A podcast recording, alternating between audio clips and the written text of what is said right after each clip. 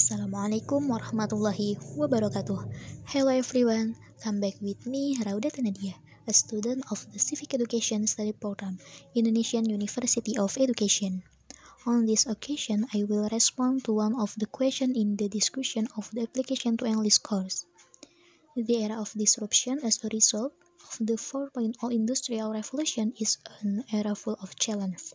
This era is marked by a rapidly developing digital system, the presence of artificial intelligence, Internet of Things, robotics, biotechnology, and the increasingly rapid development of science and technology in the field of information and communication. Rapid change in various sectors, including citizenship education, can have both positive and negative impacts. The positive impact is that it, it can provide confidence in people's lives, and the, and the negative impact is that it can affect the mindset, attitudes, and behavior of society, which in turn can damage the choice of people's lives because it is not in line with the ethics and norms that apply in society. The development of technology in the era of massive disruption has brought about a number of paradigm shifts in various aspects of human life. The change in the paradigm of community life in an era of massive disruption has caused a cultural shock to emerge in society.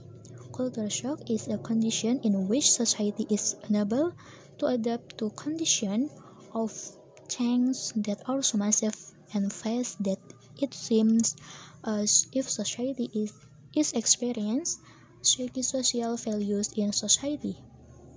To deal with the culture shock phenomenon in this disruption era is to optimize citizenship education.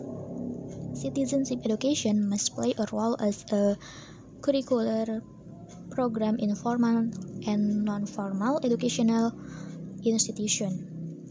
Third, citizenship education, the, commu the community is equipped with various citizenship knowledge, civic beliefs in citizenship sensitivity that will be able to ward off the onslaught, onslaught of technology and information flows that tend to mislead the direction of people's lives.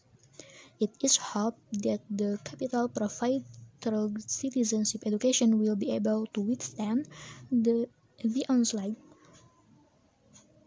of an era of disruption that can distort moral values in society. That's all I can say. Sorry for any shortcomings. See you next time. Thanks. Wassalamualaikum warahmatullahi wabarakatuh.